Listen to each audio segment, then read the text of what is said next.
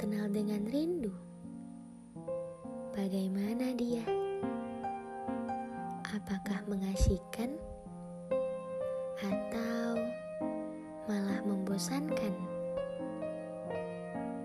Apakah ada yang berteman baik dengannya? Kadang untukku, rindu itu sering menyiksa perasaan.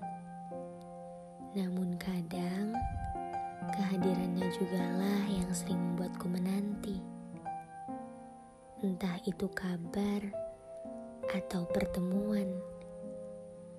Yang jelas, rindu adalah sahabatnya jarak. Baik itu jarak tempuh atau jarak tumpuh. Tempuh si saudaranya waktu mengurusi saudaranya keyakinan.